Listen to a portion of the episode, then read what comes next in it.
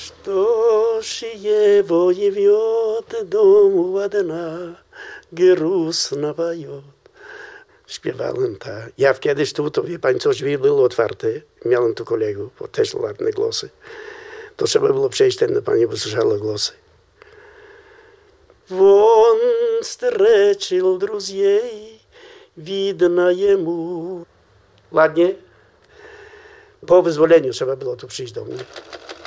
To pani by słyszała śpiewy.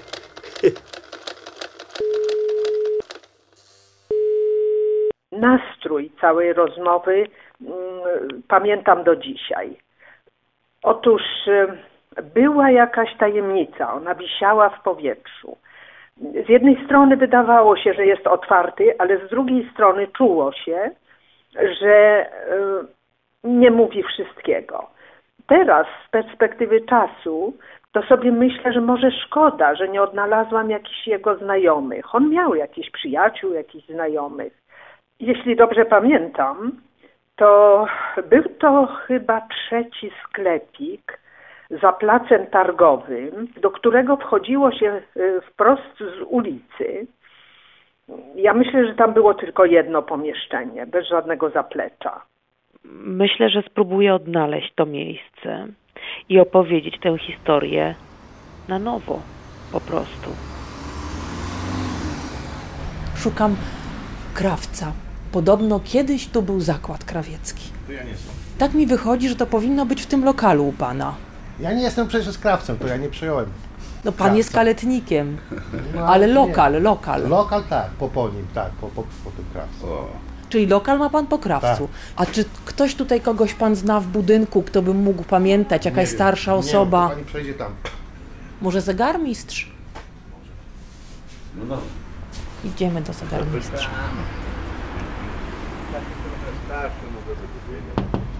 Dobry proszę. Dzień dobry panu. Ja byłam w lokalu, gdzie jest kaletnik. No to tam był krawiec. Czy pan go może znał? Mhm.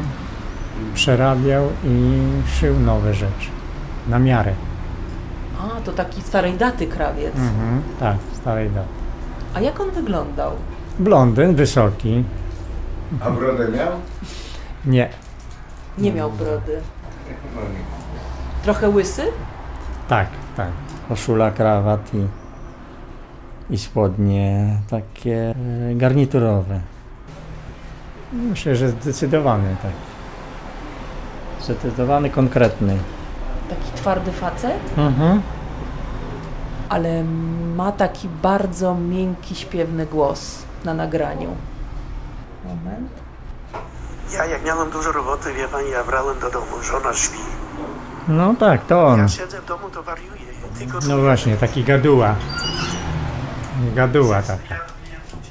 No akcent taki charakterystyczny. Żydowski. No i no jego specyficzna barwa też. Słychać, po, poznałem. Mówiąc szczerze, to teraz już tego akcentu to prawie nikt nie rozpoznaje. Tak? Tak. Nie ma Żydów praktycznie. Sama jestem zdziwiona, że to jest żydowski akcent. Tak? Tak, naprawdę. Pani by nie poznała, że to Nie. żydowski? Nie. No tak właśnie Żydzi mówili. Tak mało zostało Żydów w Lublinie, że w zasadzie ludzie w moim pokoleniu prawie ich nie spotykają. A to kiedyś była cała dzielnica przecież tutaj żydowska, No, lubartowska. Tak, tak słyszałem, tak słyszałem. I do kiedy on tutaj miał ten zakład? Powiedzmy do 2000. I co się z nim stało? No już nie żyje. A czy miał jakąś rodzinę? Tego też nie wiem. Kimse mir bei mir ist Volvo, bei mir kimse mir bei mir ist Volvo. Soli, nafta, oliwa wszelkiego gatunku smarów domaśnych samochodów. Węgiel opalowy, kowalski na wodzie sztucznej. Ropa motorowa, smolowiec, smarówka, benzyna. Wapno, cement, cegle, gwoździe.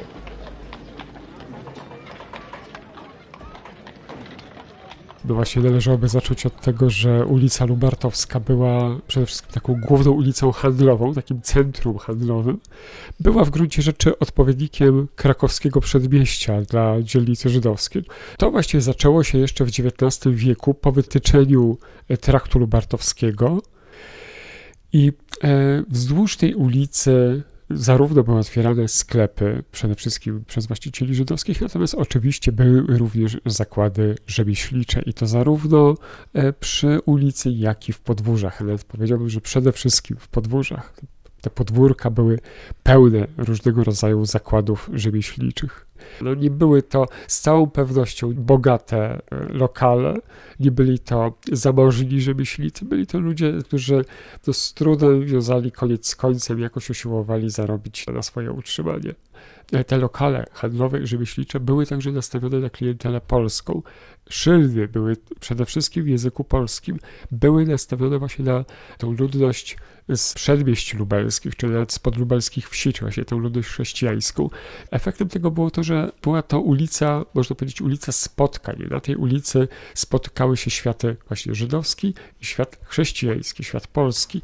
To jest właśnie przykład e, zdjęcia Stefana Kiełszli, właściwie jedyne zdjęcia z międzywojennego Lublina, które pokazują z taką dokładnością e, właśnie wygląd ulicy Lubartowskiej. Ciekawa jestem, czy tutaj jest gdzieś ta narożna kamienica, ta, która jest przy Ruskiej, bo tam właśnie mieścił się zakład krawiecki, krawca, którego szukam.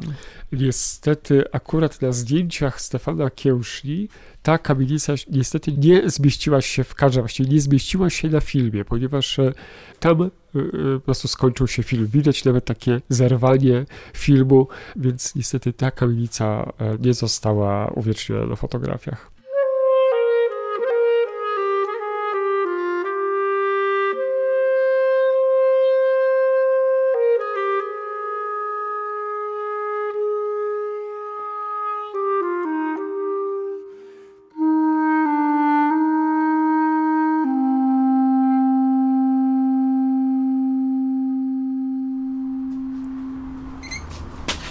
Dzień dobry. Dobry. Robi pani wszystkie zamki, chodzi o y, tą czy maszynkę. wszystkie? Nie wiem, czy Muszę wszystkie. przynieść taki dziadek, zna pani go. Trzeba przynieść, bo są różne Przyniosę. grubości. No to Chciał tak- wyrzucić kurtkę, bo jeszcze ona się nadaje. No to jak? Przyniosę, zobaczy pani. No to Dzień pani dobry. po 23 mieszka. Dzień dobry. Na Lubartowskiej. Zaraz zobaczę. Widzi pani tutaj też jest, dlatego mówię, pani idzie. Nie ma. Jest, jest. Niech pani się zapyta. Myśmy chcieli słuchać takiej łysy 90 cm, jak można by.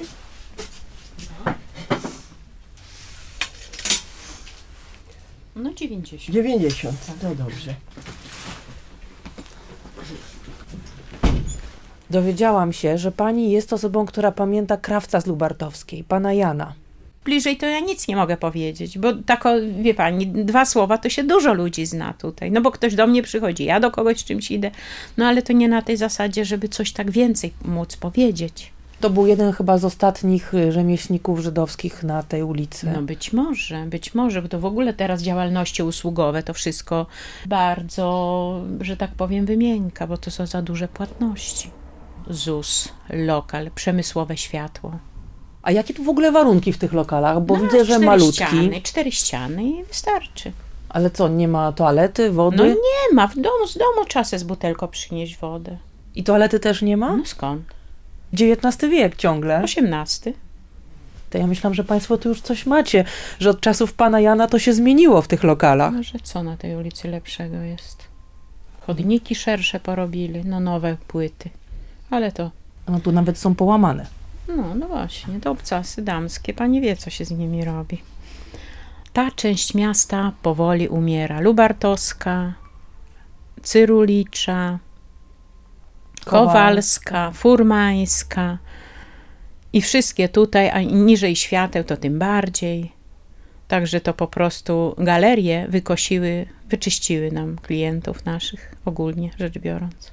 No ale takich usług jak naprawa zamka, portfela, buta, uszycie, przyszycie, no to tego galeria nie oferuje. A, ale młodzi ludzie nie idą w usługi. Młodzi ludzie idą, kupują następne. A chińskich rzeczy jest multum do wyboru. Mm, nikt nie reperuje. Nie. Pan Jan, pamiętam, też na to narzekał w reportażu, że coraz mniej klientów, że Tak, wszyscy dokładnie. kupują Nowe. szybko, byle jak. Dokładnie, kupuje się byle co, byle nowe i posłuży to jeszcze krócej niż to stare i się wyrzuca.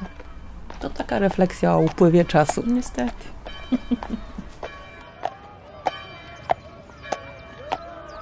Gesessen sind wir beide Verbänkerle. Gesessen sind wir beide vertracht. Vier Teine um mich geteinet und keinen die Duschku um mir nicht gemacht. E, No cóż, ten świat e, po prostu no, uległ zagładzie razem z całą społecznością żydowską w czasie II wojny światowej. Ulica Lubartowska, tak jak wspomniałem, była ulicą graniczną i tak między światem chrześcijańskim i żydowskim i taką też ulicą stała się w okresie II wojny światowej, kiedy była ulicą graniczną getta. W marcu 1942 roku przeprowadzono likwidację getta, no i cała ludność e, dzielnicy żydowskiej została deportowana do obozu zagłady, przede wszystkim do obozu zagłady w Bełżcu, no i tam ci wszyscy ludzie zostali e, wymordowani. Te e, kamienice zostały zasiedlone przez e, ludność polską, były traktowane jako takie mieszkania, można powiedzieć, socjalne. Budynki przeszły na własność miasta i tam właśnie byli umieszczeni ludzie, którzy po prostu nie mieli gdzie mieszkać. Po II wojnie światowej to rzemiosło przedwojenne, to rzemiosło również żydowskie było do pewnego stopnia reaktywowane, ale oczywiście już nie w takiej skali jak e, przed wojną. Niemniej rzemieślnicy żydowscy byli obecni aż do 1968 roku, aż do kolejnej takiej akcji, tym razem niestety przeprowadzonej przez e, ówczesne polskie władze, które zmusiły mieszkańców e, żydowskich mieszkańców Polski do przymusowej emigracji.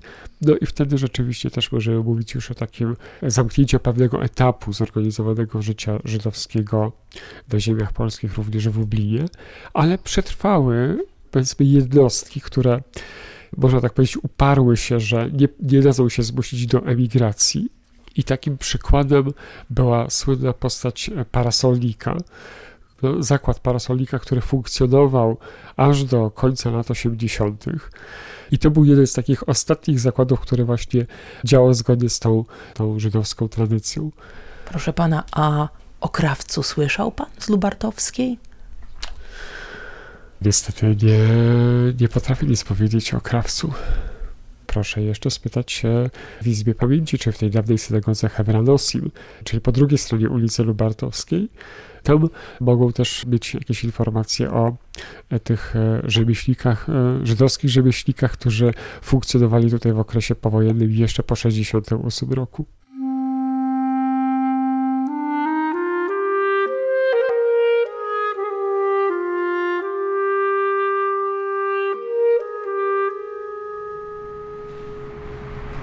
Punkt na szlaku, dziesiąty numer na szlaku pamięci Żydów lubelskich. Znajdujemy się przed wejściem e, do Bożnicy, Hewaronosim. Mieści się też tutaj e, Towarzystwo Społeczno-Kulturalne Żydów. Jest to jedyna synagoga, zdaje się, w Polsce, która działa nieprzerwanie od ponad 130 lat. Z wyjątkiem wojny, kiedy oczywiście Żydom nie wolno się było modlić. Tu nie jest tak bardzo ekskluzywnie, natomiast jest wszystko full oryginał, Autentyczne. autentyczne. Łącznie z drzwiami, poręczami, oknami. Po prostu one są bardzo stare. To są jedyne okna, które no tak dużo widziały. To ja proszę, zapraszam. Korespondencja do nas. To była synagoga Bractwa Tragarzy Zwłok, ale tu nie było zwłok, tylko się spotykali ludzie. Do tej pory się ludzie modlą. Przez cały czas urządzamy wszystkie święta żydowskie, Hanuki, Nowy Rok, czyli Rosh Hashana, co oznacza głowę roku. Pokażę Pani parę eksponatów. Chce Pani?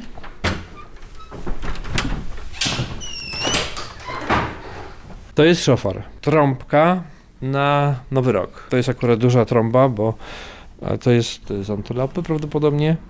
No w każdym razie jest pieczątka, że jest koszerny jak najbardziej.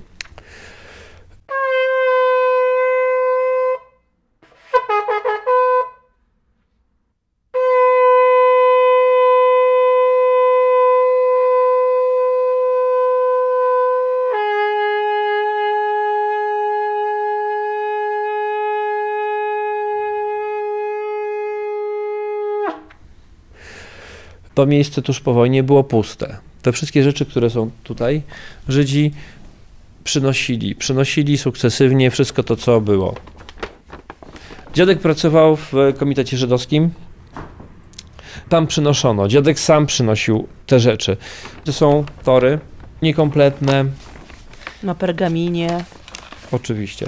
ręcznie pisane, Oczywiście. od prawej do lewej strony, Piórko. Do pisania tory, gęsie. Tora pisana do tej pory jest piórem gęsim. Po to, żeby nie było metalowej starówki. Bo to by się kłóciło z ideą tego, co jest napisane w tej torze. Metal, symbol broni, tak? Z tego są oszczepy, karabiny. Tu ma pani ładne zdjęcia też żydowskie. Szkoła żydowska. To już po wojnie, tak? Tuż po wojnie. A to moja mama w- pierwszej klasie szkoły żydowskiej podstawowej. Kolonie żydowskie. Pani zobaczy ile dzieci. Te wszystkie plansze są mm, z okresu powojennego. To co się z tymi Co ludźmi stało później? To ja będę pokazywał palcem. Wyjechała, wyjechał. Prawie wszystkie wyjechały. Do Izraela? Przede wszystkim, ja myślę. W 68 to sławetne przemówienie Gomułki. Dzięki niemu właśnie większość Żydów wyjechała stąd. Panie Pawle, ale tu była nie tylko synagoga, tutaj też ludzie mieszkali. Zgadza się. Tu mieszkał nasz krawiec, który tak panią interesuje. Pan Jan tutaj mieszkał? Przez pewien czas tak. Tu w tym pomieszczeniu? W sąsiednim.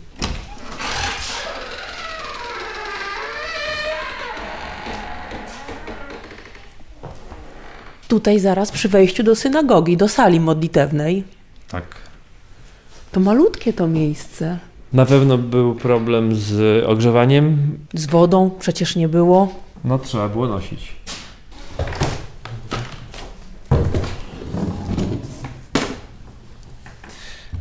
A to zdjęcie to jest Mistrzostwo Świata.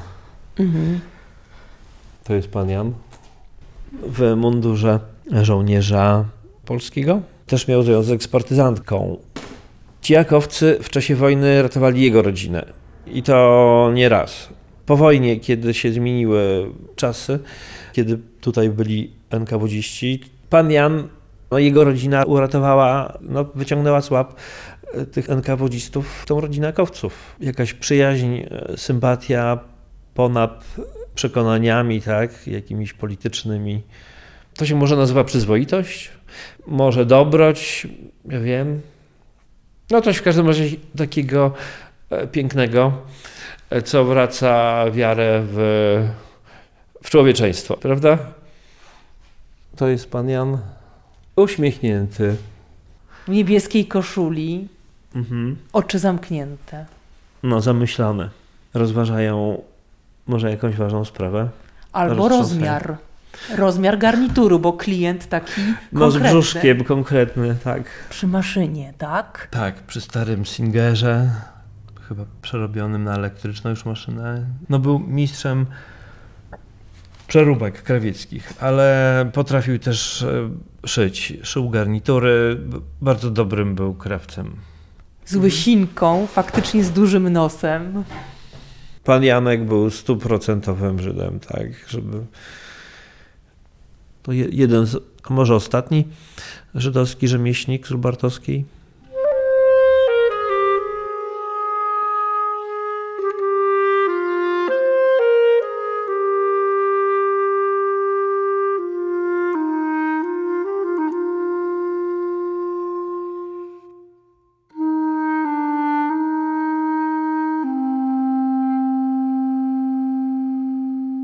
Pan Jan był takim no, chyba lubianym człowiekiem. Wiem, że, że żona z Rosji chyba też przyjechała, bo ona miała taki akcent. No, leżą na cmentarzu żydowskim, tam, gdzie i moi dziadkowie. Słuchaj pani, mnie nie dali tu przejść ulicą. Tak mnie zaczepiali. Ja zdaje się gdzieś mam list, to kiedyś pani pokaże. Takie piękne było, jaka ty lala. I zdrowy jak koń. To była piękna kobieta. Ale mnie kochała. i drugie to mówiło za twój piękny głos. La, na, na, na, na, na, na, na. Ładnie. Tyle? Tyle. Super. Cokolwiek pamiętam, co opowiadał. Po pierwsze, nie pan Jan, tylko Janek. On mówił, że panowie to byli przed wojną, tak? Miał takie poglądy. On prosto mówił, prosto myślał i prosto żył, po prostu uczciwie w tym sensie.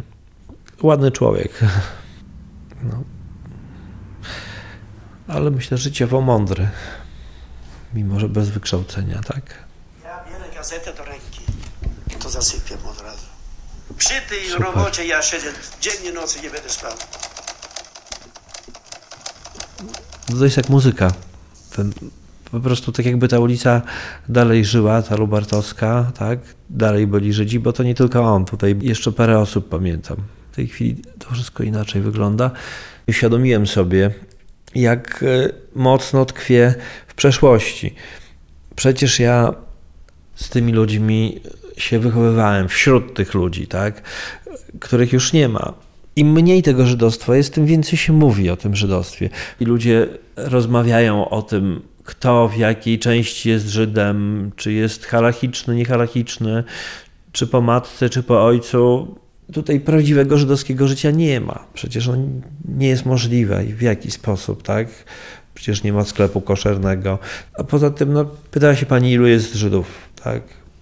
No to jest kilkadziesiąt osób. I kiedy odchodzą właśnie ci ostatni, ostatni no to, to, to ten świat odejdzie, tak?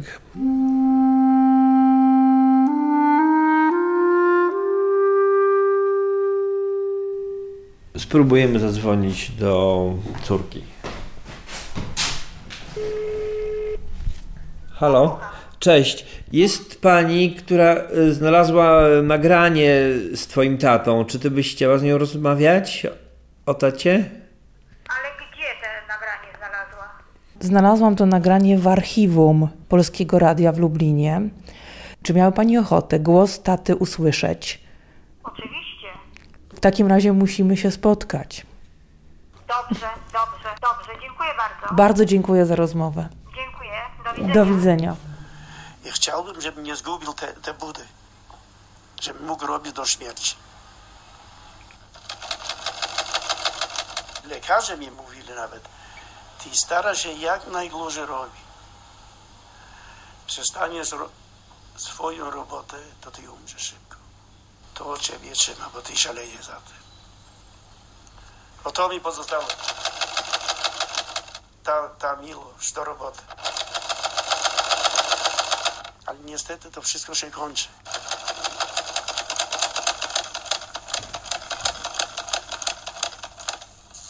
No, cały tata.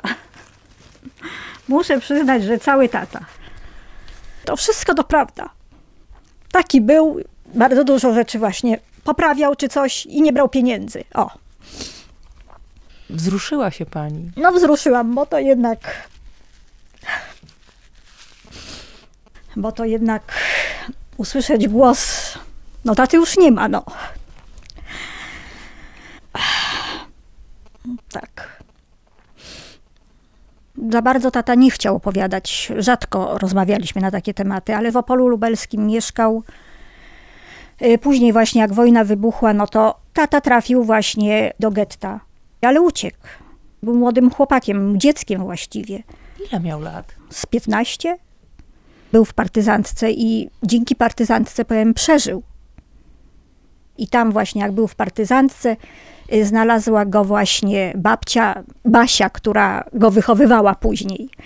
Właśnie. w Warszawie. Pani, która go wzięła do swojego domu, wychowywała go jak syna. I dlatego zawsze była dla mnie babcią Basią. I dlatego ja mam Basia. Moja mama pochodzi ze Związku Radzieckiego i tata pojechał tam na wycieczkę. I tam mamę spotkał i mamę ściągnął do Polski. To było w Kijowie. Zobaczył ją na ulicy.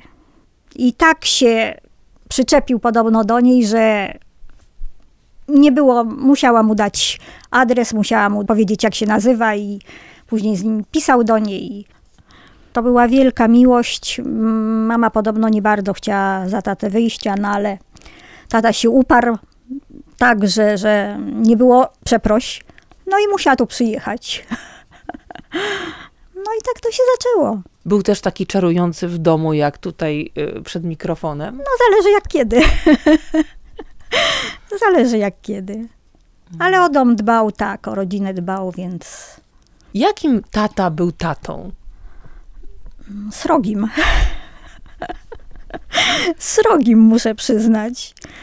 Pilnował mnie, żebym się uczyła. No, po prostu. Mhm. Ponieważ sam nie skończył szkoły, więc skończył tylko cztery klasy. Za dobrze się nie uczyłam, muszę przyznać. No ale wyszłam na ludzi. Udało się, jestem, to znaczy już teraz nie pracuję, ale nauczycielką, więc zrealizowałam, co chciałam.